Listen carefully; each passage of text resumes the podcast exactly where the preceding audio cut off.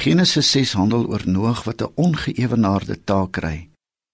Hy moes 'n ark bou en 'n onvoorspelbare reis aanpak. Hierdie verhaal van Genesis 6 herinner ons dat God onbeperkte mag het en dat hy nie deur moeilike situasies en moeilike mense voortgeskryf word nie. Genesis 6 begin met 'n sug. Sug beteken ook om spyt te wees.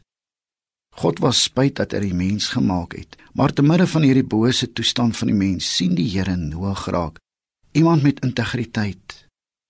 Wat doen Noag om staande te bly in moeilike tye? Wat kan ons daaruit leer? Eerste gedagte: Noag leef opreg en gehoorsaam.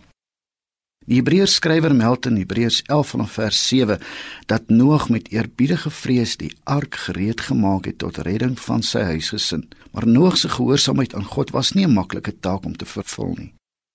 So was gehoorsaamheid ook nie vir Daniël of vir Job en vir Paulus maklik nie. Ten einde eind uitstaande te bly en 'n pad met God te stap, is 'n noodsaaklike pad, pad wat ons elkeen moet stap.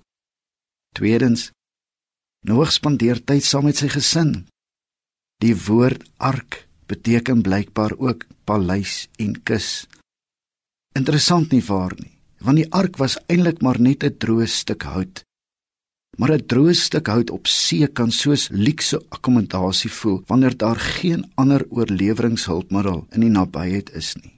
Maar ark, wat ook kus beteken, wys eintlik 'n kosbare juwele kussie uit. Die ark was die bereplek van kosbare goed. Noag en sy gesin was vir God kosbaar. Dis liks as jy mense se ondersteuning het, nie waar nie? Maar mense se teenwoordigheid in jou lewe maak jou ook bewus dat jy saam tot 'n hegte eenheid kan vorder. Vier mure lig die waarde van 'n hegte eenheid mooi uit. Vier mure verdrink nie sommer nie. Hierdie mure leer dit aan om hulle maats te beskerm.